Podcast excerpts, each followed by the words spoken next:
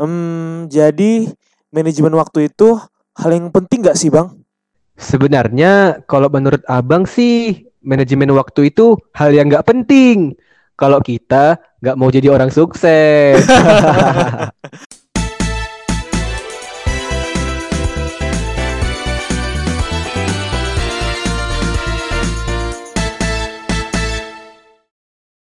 Ah, banyak banget nih tugasnya. Kapan selesai ini semua? Ah, stres banget kalau kayak gini. eh, Raf, Raffi, kenapa? Kok kayak pusing banget gitu? Ada masalah apa sih?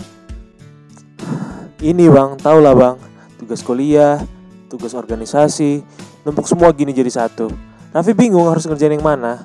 Masih mau aja udah kayak gini tugasnya. Stres jadinya bang. Loh, kok gitu sih? Emang tugasnya apa aja? Raffi ada tugas dari dosen, harus buat review 5 jurnal. Terus masih ada tugas buat video untuk UKM seni lagi. Lalu karena Raffi juga jadi komite angkatan, kemarin staf akademik menghubungi Raffi untuk mendata teman-teman yang belum mendapatkan bantuan kota dari Kemendikbud. Mana lagi pandemi gini, semuanya online bang, ribet. Wah, kalau gitu sebenarnya balik ke tanggung jawab Raffi. Dosen kan pasti nggak mungkin ngasih tugas kalau mahasiswanya nggak mampu buat nyelesain. Terus yang tugas organisasi itu, itu kan memang minat Raffi buat gabung kan. Jadi Raffi harus ikutin dong tahapannya. Lalu untuk tugas dari akademik, itu tuh amanah buat Raffi. Berarti mereka percaya ke Raffi untuk bantuin tugas mereka.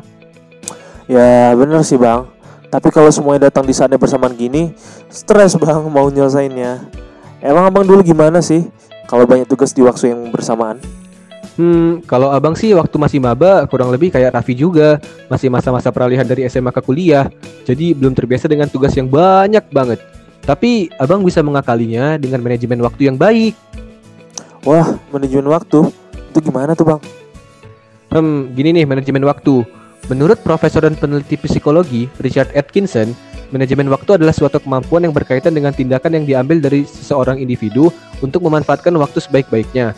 Jadi, intinya gimana kita mengatur waktu dan kegiatan kita sebaik mungkin. Oh gitu bang. Contohnya gimana tuh bang?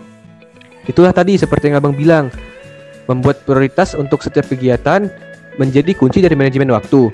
Memang membuat skala prioritas bukanlah sesuatu yang mudah, namun bukan berarti mustahil untuk kita lakukan.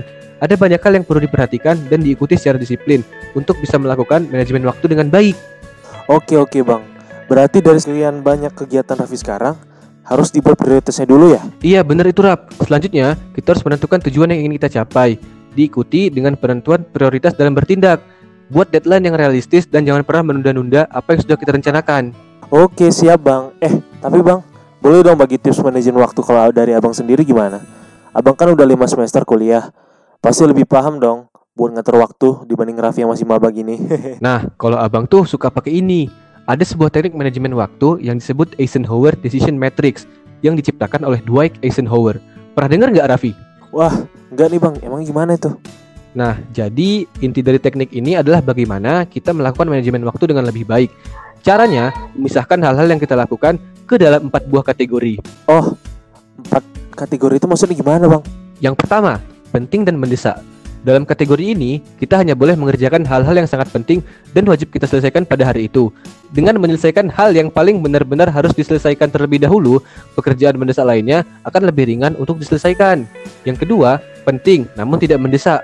Masukkan tugas dan pekerjaan yang penting dan dapat kita cicil dari sekarang secara bertahap dalam kategori ini. Proses mencicil dalam pekerjaan yang tidak mendesak sangat penting agar kita tidak keteteran ketika tanggat waktu sudah keluar, sehingga menerapkan istilah lebih cepat lebih baik.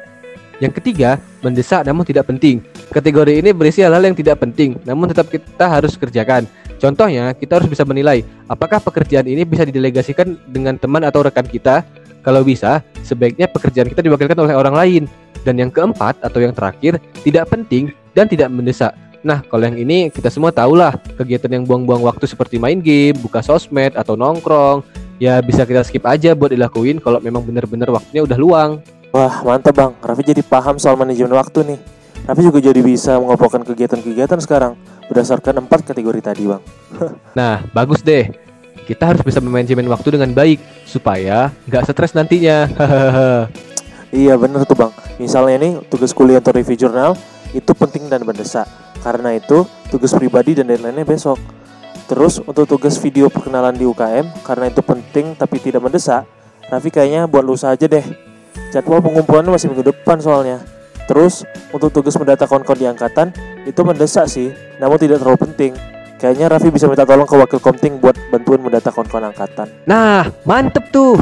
Artinya Raffi udah bisa memilah mana prioritas kegiatan Raffi, mana yang penting, mana yang kurang penting. Oh iya satu lagi, agenda bumper Mobile Legend belum Raffi susun. Ya, kalau itu menurut Abang udah jelas sih ya. iya bang tahu kok. BTW makasih banyak ya bang. Raffi jadi nggak terlalu pusing buat mikirin tugas-tugas yang banyak ini. Yoi, sip deh. Semangat selalu Raffi. Yo bang, makasih banyak bang.